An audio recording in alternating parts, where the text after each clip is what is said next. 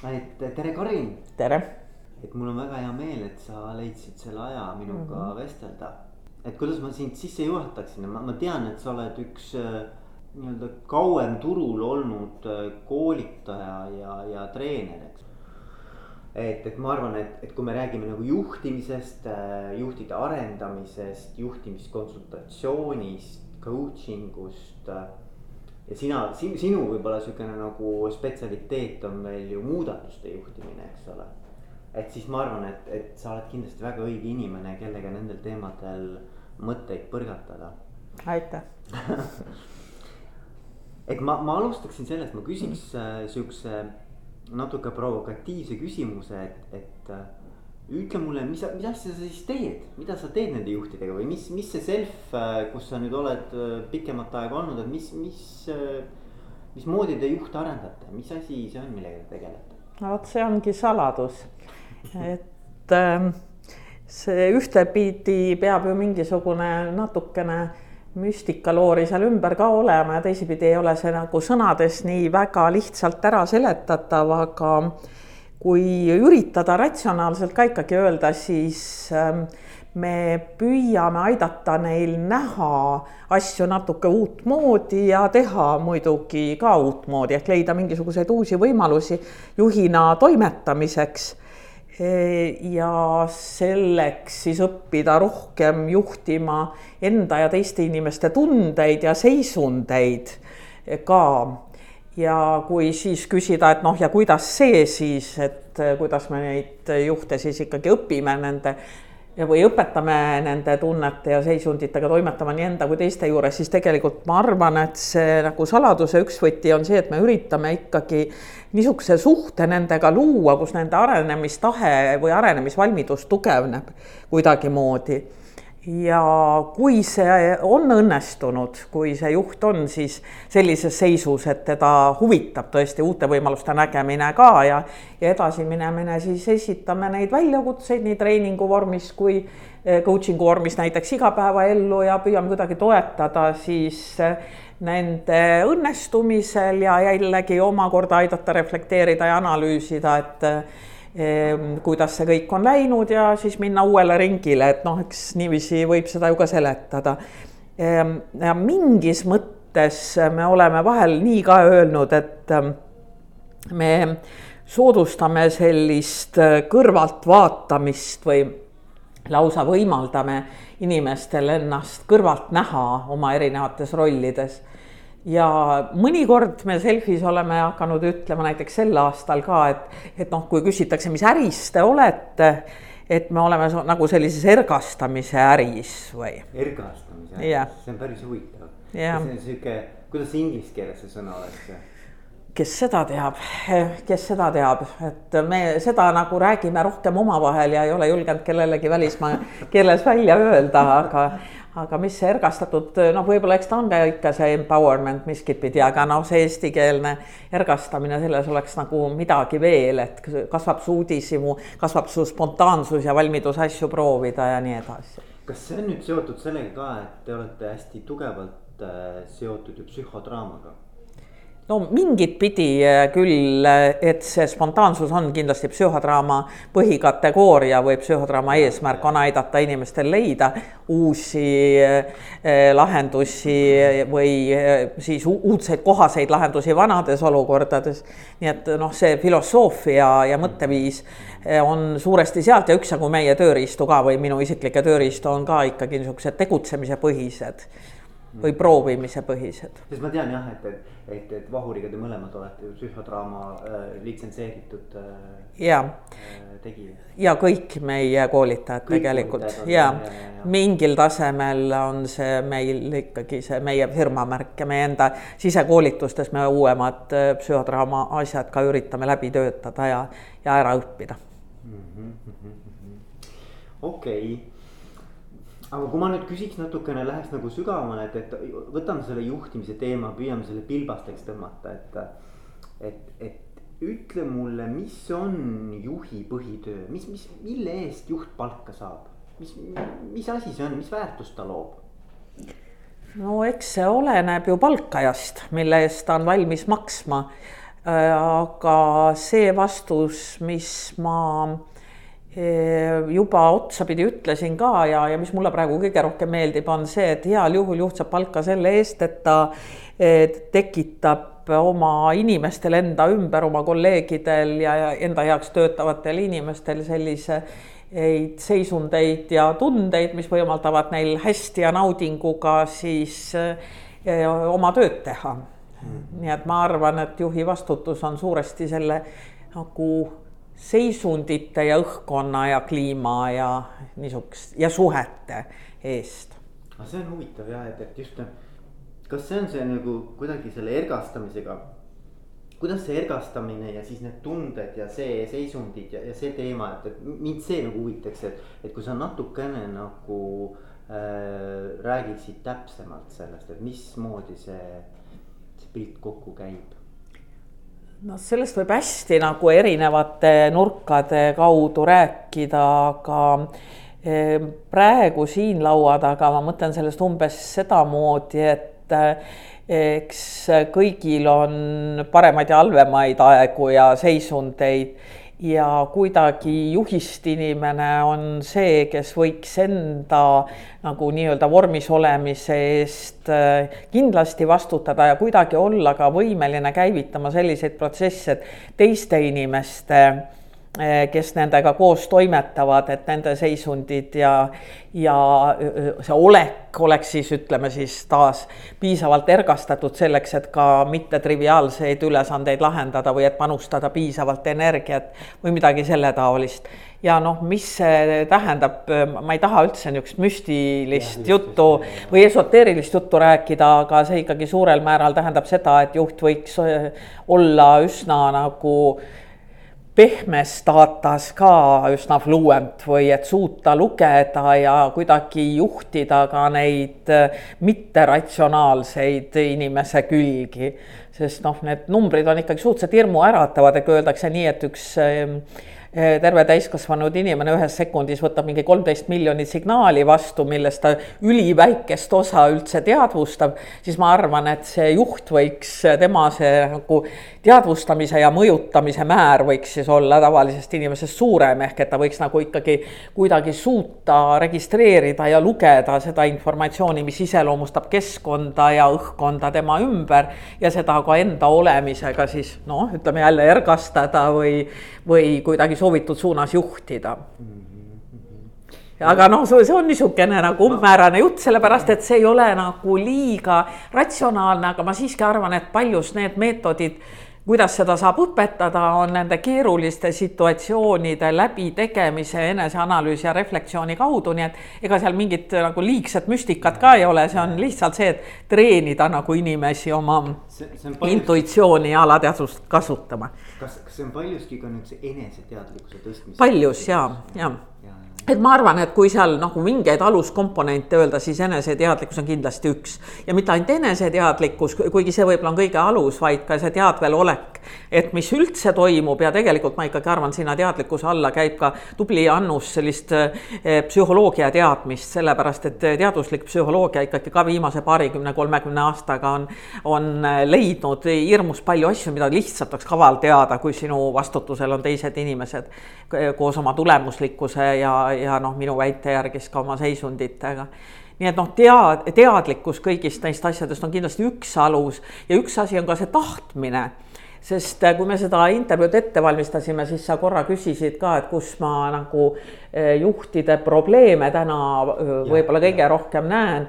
et siis noh, üks asi, mida ma viimasel ajal üllatavalt palju ko olen kogenud, on see, et juhid nagu ei taha juhtida või, või on vähemalt noh, okei okay,, võib-olla nad on hakanud juhiks, et keegi lollim neid ei juhiks ja nad võib-olla mingeid asju juhtimises tahavad teha ka. aga ütleme, niisugused valitud palu ja, ja mingisuguseid asju jälle üldse ei taha teha ja võib-olla on ka juba see asi sealmaal, et mingit asja annab delegeerida arvutitele ja robotitele, et seda administreerimise tööd võib-olla see ei olegi inimvääriline aga et lisaks teadlikkusele ka kuidagi see tahtmine ikkagi juhtida ja olla e-, eeskujuks ja, ja noh, olla oma inimestega koos nagu kõigis nende tegemistes, et, et see on kindlasti teine hästi oluline komponent. Ja kolmas, ma arvan, ongi oskused ja vilumused, et kui sa tahad nagu ikkagi seda juhtimist teha hästi ja eesmärgipäraselt ja hoolivalt ja, ja tead selleks piisavalt palju asju, siis noh, mingeid asju on mõistlik ka treenida nagu vilumuseni, et, et mitte korrata nagu automaatselt näiteks mingeid mitte nii väga mõistlikke käitumisviise, mis võib-olla kunagi olid olulised et kunagi tükk aega selfie hüüdlause oli ju õpi oskama või, või slogan. ja nüüd me nagu oleme selle tagaplaanile jätnud, sest meile tõesti see teadlikkuse külg tundub huvitavam ja tahte äratamise külg, aga aga siiski päris paljudel juhtidel jääb ta lihtsalt vilumuste taha ka, et lihtsalt mingit, mingisugust asja nagu ei, ei oska mm. -hmm. aga mis sina sellest arvad, et noh, võib-olla see on triviaalne küsimus, aga ikkagi, et, et kui palju on võimalik õppida juhiks ja kui ja. palju on seal sellist ikkagi nii-öelda, ma ei tea, kas see on siis nüüd otseselt kaasasündinud, aga ikkagi sinu lapsepõlvest nagu omandatud mingisugused äh, omadused, eks ole nojah, ega mina selle, seda protsenti küll ei julge sulle siin ka välja öelda ja psühholoogiateadus on natuke praegu selles kraavis, et, et suhteliselt palju on ikkagi lausa geneetiliselt ju ette määratud seal mitmesuguseid asju, sinu üldise ärevusega seotud asju ja avatuse ja, ja suhtlemisvõimelisuse, isegi sihikindlusega seotud asju näiteks, mis määravad juhi edukust aga et noh, mis ma mõtlen, on see, et eh, tark oleks tõesti enda kohta teada, neid enda eeldusi ja enda kalduvusi, neid uurida ja siis otsida võimalusi neid eh, nagu tugevusteks muuta või ära kasutada. et natuke on see ikkagi selline nagu lähenemise, mõtteviisi asi ka, et ma ise järjest rohkem olen nii-öelda positiivse psühholoogia usku, et, et inimene võiks võimalikult palju tunda oma ressursse ja saada aru, mis teda selle juhi töö juures siis rõõmustab ja innustab ja, ja selle läbi siis arendada oma isiklikku juhtimisstiili mm -hmm. ja suurendada oma tahet ja valmisolekut juhtida. nii et noh, numbrit ma ei ütle, aga ma arvan, et oleneb oleneb ja tuleneb, aga on õpitavaid asju päris palju ja me õpime ju tegelikult kogu aeg. et me oleme õppinud oma vanematelt neid juhtimise asju, oma juhtidelt kogu aeg õpime ja noh, natukene siis kurvaks teeb see, kui keegi kuskil ütleb kellegi kohta, et oh, see on nii õudne, et, et mul küll oma juhilt pole midagi õppida, et see noh, heitus ei vii meid kuskile, et me igal hetkel õpime. minu esimene juht oli Kaarel Ird ja me kõik teame, mis legendid tema kohta käivad ja ma olen temalt ühte kui teist väärtuslikku õppinud. et oleneb ka, mida me mõtleme õppimise all, vabandust. aga, aga kui ma küsiks niimoodi, et et kui sinu juurde tuleb juht, kes ütleb, et näed. vot tahaksin need, nendes ja nendes teemades nagu abi, et mis on sinu jaoks need märgid, et juht on valmis tegelikult ennast arendama või et kus sa nagu näed, et inimene on päriselt küps tegelema iseendaga et noh, ma arvan, et tegelikult mm. mingis staadiumis on kõik, eks ole oh,, aga et noh, kus on need nagu märgid, et, et vot näed, et et tema on kindlasti nagu vastuvõtlikum või, või mitte noh, vastuvõtlikum, aga et, et ta tahab päriselt sellega tegeleda ma arvan, et kaks sa juba ütlesid ära, et kui ikkagi tuleb ja kui ikkagi ütleb, et need on okay, nagu kaks okay. esimest asja, et ähm, hästi palju on sellist poosi ka, et ega mul väga õppida midagi ei olegi ja, ja noh, kui seal juhatuse laua taga kuskil arutatakse, et võtame kõik juhid nüüd äh, endale coach'id, siis mõnigi ütleb või noh, teeb nägusid või ütleb lausa sõnadega välja, et no ma ei tea, milleks mul seda vaja on. aga kui ta ikkagi samas võtab paari päeva jooksul ja kirjutab mulle emaili või helistab Eh, siis on see juba nagu väga okei okay ja kui ta kohale tuleb, see on teine asi. ja noh, ma arvan, et kolmas eh, on see aja leidmine et äh, kui sa ikkagi hakkad juhiga siis otsima seda aega, millal see coaching või koolitus või kohtumine võiks toimuda. ja kui ta ikkagi ei suuda seda oma kalendrisse panna, siis ta küps ei ole, et või kui siis on nii, et ta paneb selle kalendrisse ja siis äh, cancel dab või ütleb, et oi, mul hakkasid siin tulekahjud peale nii et kui ikkagi on piisavalt, võtab ennast tõsiselt või võtab juhtimist tõsiselt ja võtab, ütleme siis mind ka tõsiselt, et ikkagi pöörduda ja mingisugust aega olla võimeline kokku leppima, et äh, siis ma arvan, et sellest on esialgu küll.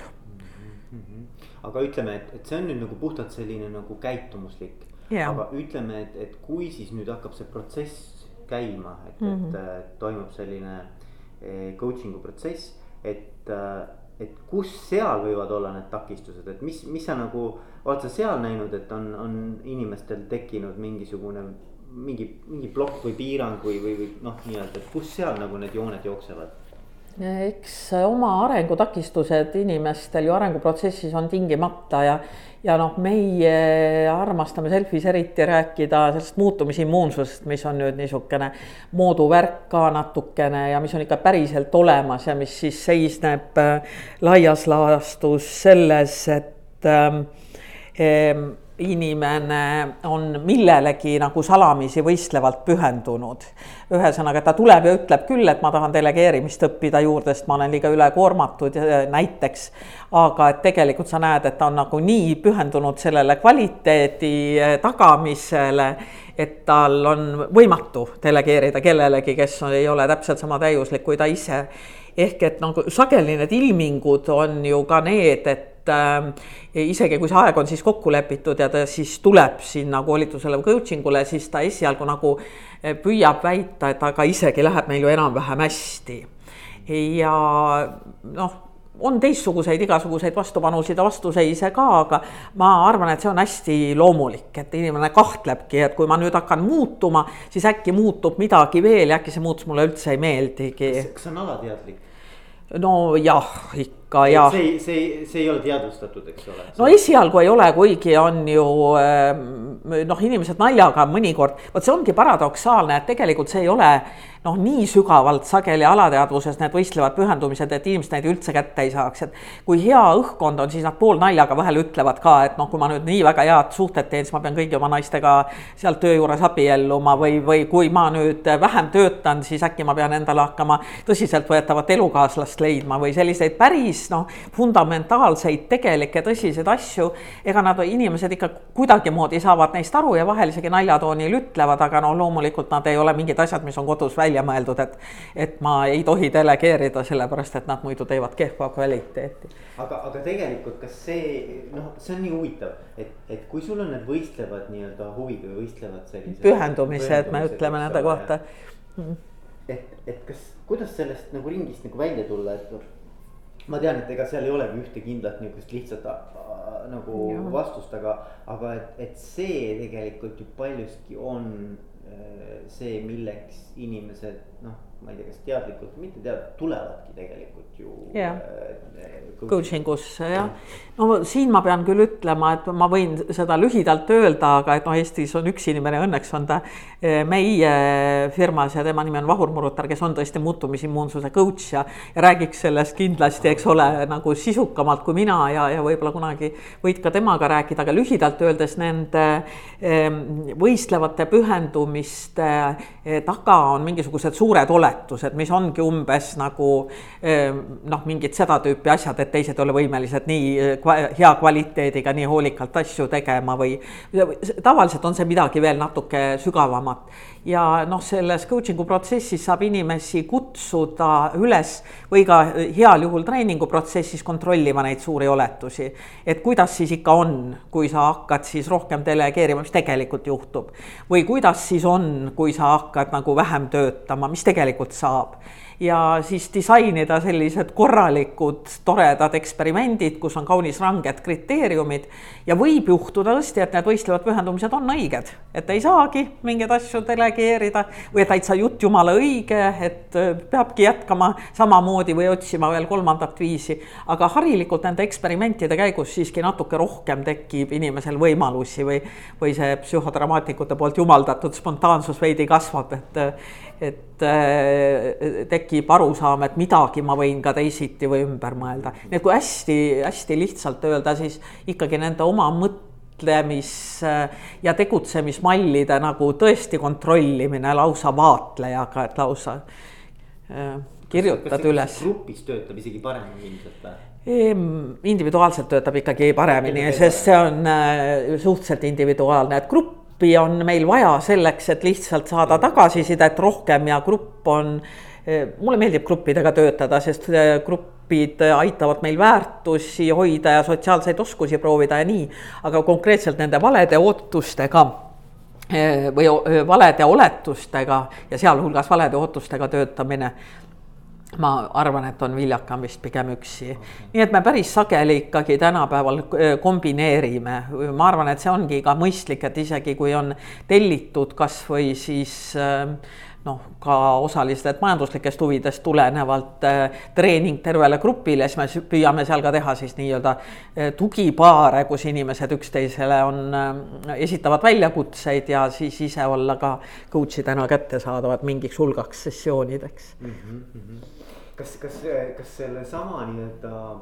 muutumisimmuunsuse nähtuse juures. kas näiteks sihuke asi käib sinna ka alla, et, et ma tean, et meil on ju täna Eestis ikkagi märkimisväärselt palju juhte ajast. kus see stiil oli võib-olla selline ähm, noh, pigem sihuke autoritaarsem ja selline noh, nihuke kõva käega juhid, eks ole. et my way or highway, eks yeah.. et, et, et vaata tänapäeval ütleme, kui me võtame, et missugune on kogu see tööjõuturg ja, ja need inimesed ja mis nende ootused on, eks ole, tööandjatele ja juhtidele, et. et, et need on nagu, ei lähe enam omavahel väga hästi kokku, eks ju. see stiil ja, ja siis nii-öelda nende noorema põlvkonna äh, sellise maailmakäsitlus ja, ja, ja väärtussüsteem. et, et nüüd selleks, et see juht isegi kui ta saab aru sellest mm, -hmm. ennast muudaks.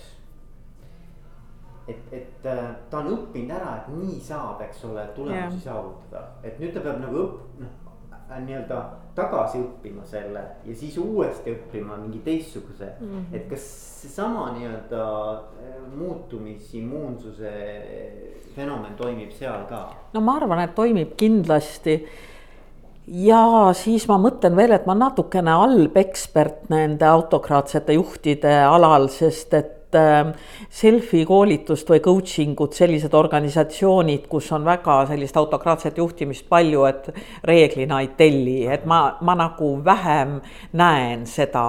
Aga mis ja kindlasti on seal muutumisimmuunsusega miskit pistmist, et eh, loogiliselt, et kui ühtemoodi oled edu saanud, siis on raske nagu ette kujutada, kui ma seda stiili väga muudan, et siis edu eh, ka tuleb.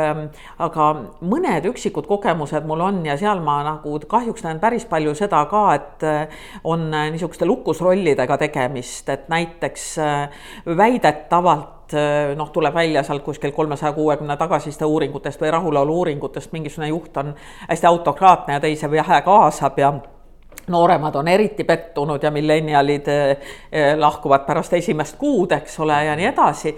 ja siis, kui sa hakkad eh, tööle, temaks selgub, et tegelikult on suhteliselt täitsa mõistlik inimene, aga teiste inimeste nagu hoiak või ootus tema suhtes on see, et oi, aga seal koosolekutel ei tohi ju midagi öelda, et noh, konkreetne näide nendest päevadest praegu, et Ehm, ma, me saatsime, meil oli üks niisugune tellimus või on praegu laual, et me läheme koolitama ühte eh, firmat, kus juht ütleb, et inimesed liiga vähe koosolekutel avaldavad oma arvamust.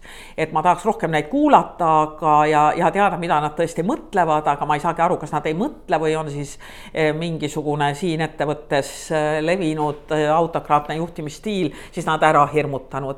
ja siis me tegime sellise harjutuse eeltööna, et palusime neil kirjutada meile mingeid ettepanekuid. kirjutades sinna juurde, et me lihtsalt kasutame neid ühe harjutuse ettevalmistamisel, neid kindlasti nii nimeliselt ei avalikustata. ja selle peale hakkasime me saama, saime küll ka ühe paraja portsjoni neid vastuseid, aga hakkasime saama ka selliseid selgitusi, et teate, tegelikult meie juht absoluutselt ei taha neid vastuseid ja ärge laske ennast ära lollitada ja nii edasi. nii, nii et päris sageli võib see olla nii, et inimene on ammu muutnud oma juhtimisstiili juba või ümber mõelnud või on isegi juba järgmine inimene seal, aga kuidagi legend see on selline nagu... ja jah, too, taastoodab seda rolli. seda rolli. mhm, mhm. Taastoodab kuidagi seda rolli, et ja, ja noh, neid näiteid ma võin veel öelda, et ja, ja noh, üks näide, mis mulle pähe tuleb ka, ma loodan, et see liiga äratuntavaks ei lähe, et, et juht tellis mitu-mitu korda meeskonnatreeningut ja oli oma äh, lahe seal meeskonnatreeningul ja kuulas kaaslasi ja kõik nii edasi. ja kaaslased olid treeningul üsna okei okay,, aga noh, tagantjärele ikka ütlesid, oh noh, tegelikult tead, et noh, teda tegelikult ju ei huvita. ja siis ühe treeningu ajal juhtus sel juhil isiklikus elus suhteliselt traagiline sündmus, eh, millele vaatamata ta tuli gruppi et ütles, et te olete mulle nii olulised ja see üritus oli nii pikalt planeeritud, et ma olen vähemalt nii kaua, kui ma saan.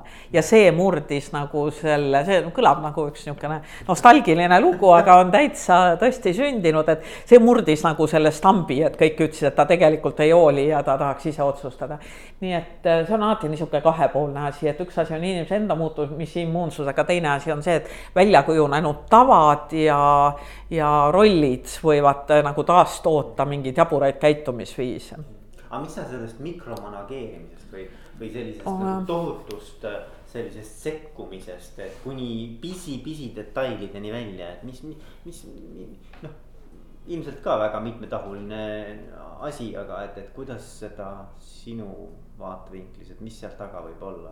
eks ta mingi usaldamise teema ju nagu selle delegeerimisega seoses, ma vist ütlesin ju sageli on. ma ise olen kindlasti pigem mikromanageerija tüüpi ka. et äh, selles suhtes ma selle asja nagu sisemist loogikat tunnen ka päris hästi, et äh, inimene, kes tunneb protsessi läbinisti äh, see on nagu paradoks, et kui sa tunnetad protsessi kui tervikut päris hästi, siis sa aeg-ajalt võid tahta süstida sinna kuskile päris sügavale sisse selleks, et mingit jama ära parandada. teised absoluutselt aru ei saa, et miks sa sinna nüüd ronid. aga noh, eks see mingi usalduse ja usaldamatuse teema muidugi enamasti on minule liiga palju ei ole sattunud äh, neid mikromanageerijatest juhte.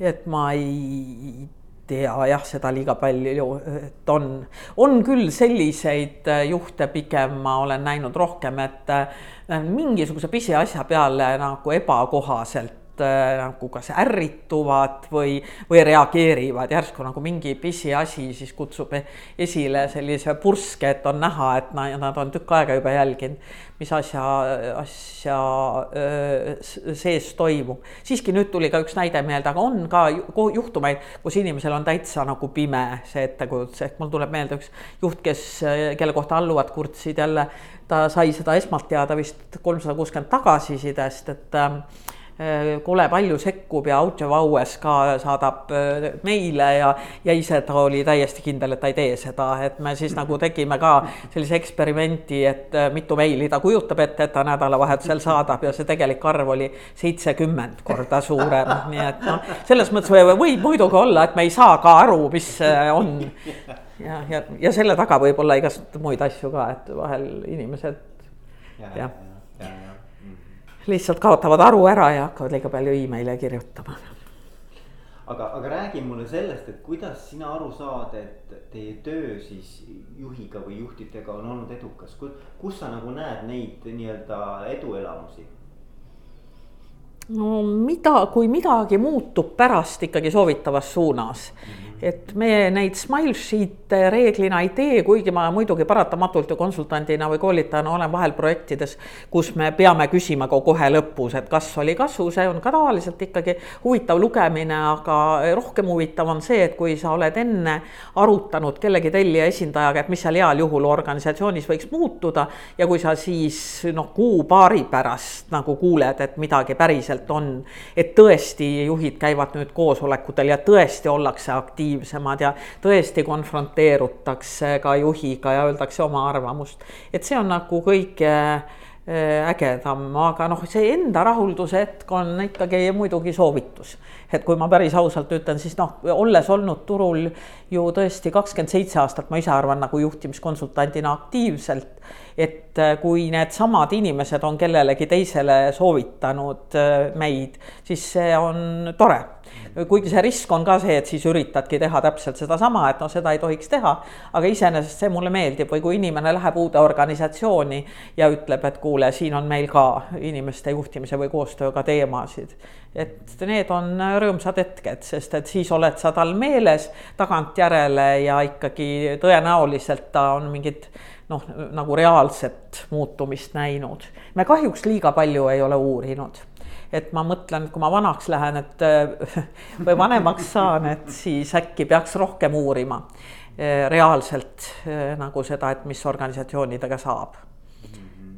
sest nojah, et, et üks asi on see, et, et teha see interventsioon ära, eks ole. Yeah.. ükskõik kui pikk see või lühike see siis ei ole, aga et, et just, et et kuidas ikkagi sellist nagu jalajälge seda mõõta, eks ju. See on ähm, kindlasti, ma arvan, et juhtimiskonsultandid ja koolitajad liiga vähe on seda teinud. Et kui ma vaatan, milline määratu hulk on eksperimente juba kasvõi mingi teadveloleku koolitajate puhul, mis on hästi nagu selline pehme asi, et siis ma arvan, et me oleks võinud rohkem uurida tegelikult. Aga noh, muidugi see Eesti majandus ja üldse Eesti ühiskond on nii kiiresti arenenud, et, et seal on nii palju muusi muid mõjureid ka, et selles mõttes seda on võib-olla keeruline kinni püüda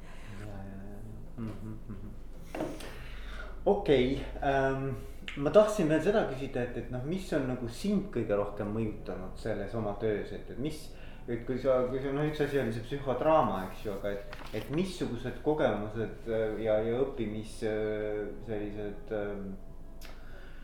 Mm -hmm. õppimiskohad või, või õppimistunnid sind on kõige rohkem mõjutanud oma, oma töös? jah, et ähm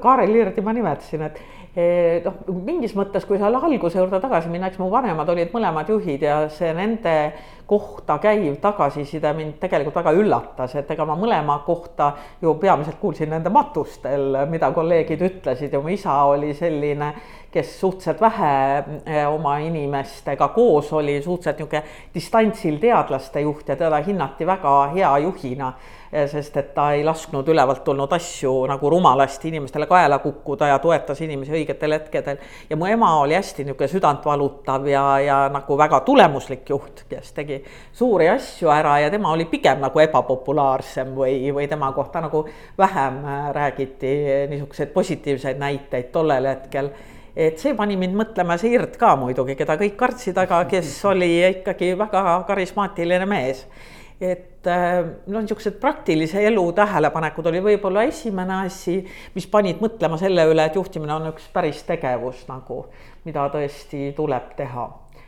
ja äh, õppinud jah, ma olen psühholoogiat, millest oli tolku küll ja õnneks tekkis siis ka niisugune nagu teaduslik huvi ikkagi asju mitte ainult argiteadvuse tasandil eh, mõtestada, vaid lugeda psühholoogia asju juurde. Ja ma arvan, et sealt ma olen ka palju saanud ja ma õppisin INSEAD-i kõrgemas ärikoolis ju. Jah, eh, muudatuste coach'iks ja konsultandiks. Ja seal oli väga hästi tasakaalustatud grupp, et meil üks kolmandik oli HR-i või personaliinimesi, üks kolmandik oli juhte ja üks kolmandik oli siis nagu konsultante.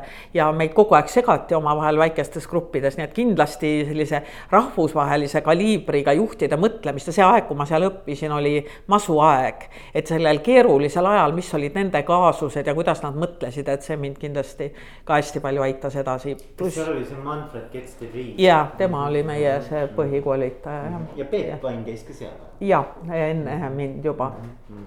-hmm seda, sellest on jah palju räägitud ja see Manfred ise on käinud Eestis ju mitu korda. ja, ja ma olen siin teda paar korda ka näinud, aga need teised õpetajad olid ka seal väga, väga meeldejäävad ja väga head, nii et. Mm-hmm. ja kogu see protsess ja kaaslased. ja, ja siis psühhodraama muidugi. ja psühhodraama ka jah ja see äh, Inseadi kool oli analüütilisem, nii et ma olen kuidagi õnnelik kombinatsioon, et ma olen nii neid tegevuslikke mõõt-, meetodeid õppinud kui ka neid analüütilisi meetodeid, et ma, see, see teeb mind ka rõõmsaks. et tegelikult küllalt keeruline oli selle psühhodraama äh, koolitusega minna Inseadi ja hakata siis nüüd kuulma, et äh, impulsiivne tegutsemine on kõige hullem patt, mida juhid võivad teha, kui me olime psühhodraamas õpetanud, et sa võiksid nagu rohkem olla tegutseja kui pealtvaataja oma elus. aga et kuidagi ikkagi minu peas on ja ma loodan, et natuke tegevuses ka on need kaks kuidagi kokku saanud mm. Ja noh, muidugi jah, et äh, praktikast ma olen õppinud võib-olla liiga vähe, et seda on plaan parandada ka, et ma ju olengi päris kaua aega nüüd äh, eelkõige koolitanud, et nüüd ma otsin võimalust, et, et siis võib-olla ka natuke prakt-, praktikasse minna või praktiseerida juhtimist või olla. nagu ja, või? ja olla, olla nagu keset juhtimist ähm,. Aga kui me võtame sellise situatsiooni, kus ähm, inimene on just saanud spetsialistist juhiks. siis mis oleks sinu sellised soovitused äh, või nõuanded äh, sellele inimesele, et ta oleks pikaajaliselt edukas selles ametis? oh, see on nüüd küll ikka värk nojah me teeme ju neid uute juhtide kursusi päris mitmes organisatsioonis ja, ja jah, selle, sellel teemal ma vist tekib kiusatus liiga pikalt rääkida, aga noh, punkt üks on ikkagi see, et et ähm, äh, päris alguses võiks uurida kõiki võimalike oluliste osapoolte ootusi enda suhtes ja mitte uurida selle hoiakuga, et, et kuidas mul õnnestuks küll teile meeldida, aga lihtsalt, et seda oma mängumaad endale selgemaks mõelda. ehk et leppida regulaarsed kohtumised kokku oma juhiga, et temalt saada tagasisidet, et temalt saada ootusi teada ja samamoodi olulisemate alluvat, äh, isegi nagu kõigi otseste alluvatega ja olulisemate partneritega ja muidugi samal ajal mõelda, mis enda tahtmine on ära teha ja, ja mis need kriteeriumid on, mis seda näitavad ja nii edasi, et midagi sellist. Ja võiks olla ju keegi coach'i või mentori moodi olevus, kellega arutada, kuidas mul läheb, arutada neid juhtimise asju. et kui sa oled omaenda organisatsioonis saanud spetsialistist juhiks, siis ma arvan, et on see eriti oluline, et oleks keegi, kellega sa neid juhtimise asju saad rääkida, sest ei ole liiga kaval minna seda arutama sellega, kellega sa kõrval laua taga istusid ennem ja, ja võib-olla istud praegugi ühes ruumis, aga kelle arengu eest sa oled vastutav et võib-olla midagi sellist, et nagu see suhete loomine, ma arvan, on üks selline võtmekompetents või et kui sa oled spetsialist, sa võid olla suhteliselt egoistlik ja valida, kellega sa suhtled või kellega sa ei suhtle, aga kui sa oled juht, siis oleks võrdlemisi taibukas siiski suhteliselt alguses välja mõelda, kelle kõigiga sa nagu pead suhtlema ja seda siis teha. ja täna just tulin siis ühest grupist, kus ikkagi eh, umbes sarnase küsimuse peale üks hästi kogenud juht ütles oma noorematele kolleegidele, et ja kui vähegi võimalik, ärge kirjutage neid email'e, vaid minge ja rääkige oma inimestega, et need one-to-one -one või või silmast silma kohtumised kõigi inimestega ikka on hästi tähtsad. ja kui võimalik, võiks neid regulaarselt teha, et hiljem neid teha on keeruline. hiljem neid regulaarseks teha on keeruline, et alguses on nagu lihtsam mm. -hmm. see on ka nagu sihuke harjumuse teema. ja, ja, ja kas on midagi veel, Karin, mida sa tahaksid, äh, mida ma võib-olla ei ole küsinud, mida sa tahaksid juhtimise kohta öelda, mis on sinu jaoks nagu oluline?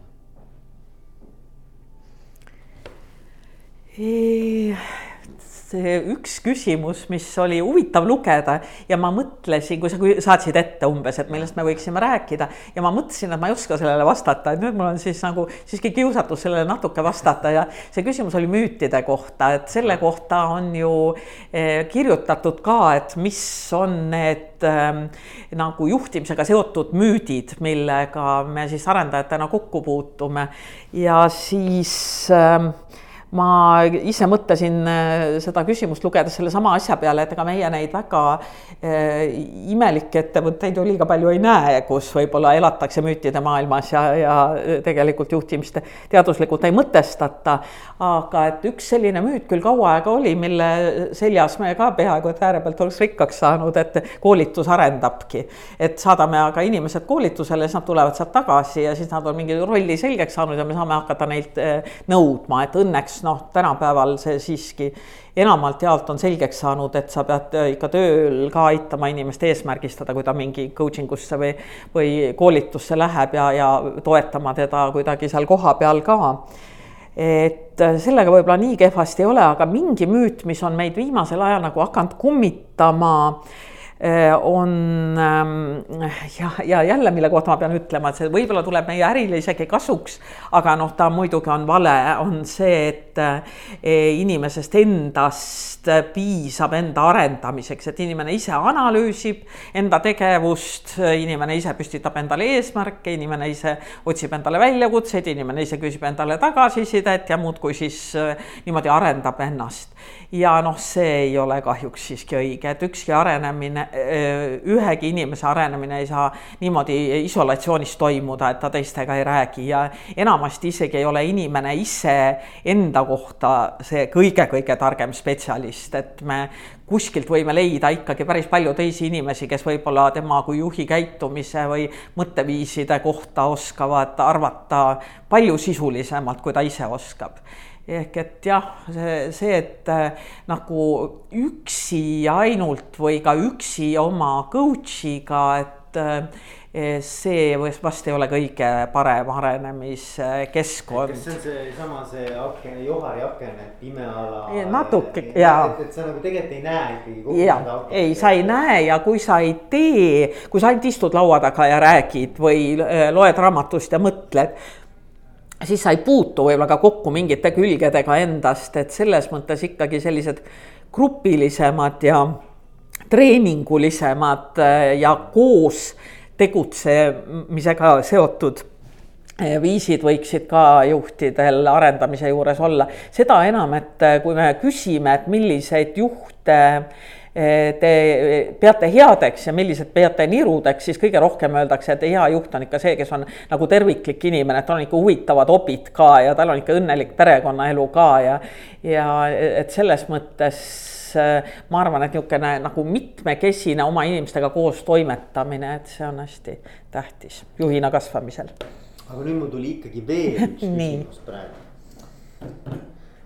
Karin, millal sinu arvates sinu hinnangul saaks juht öelda, et ma olen õnnestunud, ma olen olnud edukas?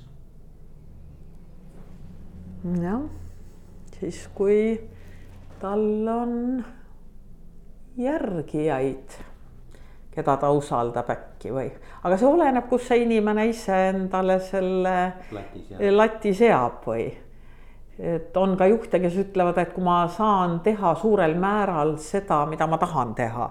ja väga paljud juhid ütlevad, et see on millegi ülesehitamisega või edasiarendamisega seotud, et kui ma ei pea ainult nagu klaarima ja koristama, vaid kui ma saan tõesti või saneerima, kui ma saan tõesti nagu midagi üles ehitada. aga jah, et kui juht on ise rahul ja ma arvan siiski teine asi on see, et kui tal on järeltulijaid, järgijaid ma mõtlen ka juhtide reservi mõttes, et kui ta on olnud nagu nii inspireeriv, et inimesed ikkagi tahavad juhtida.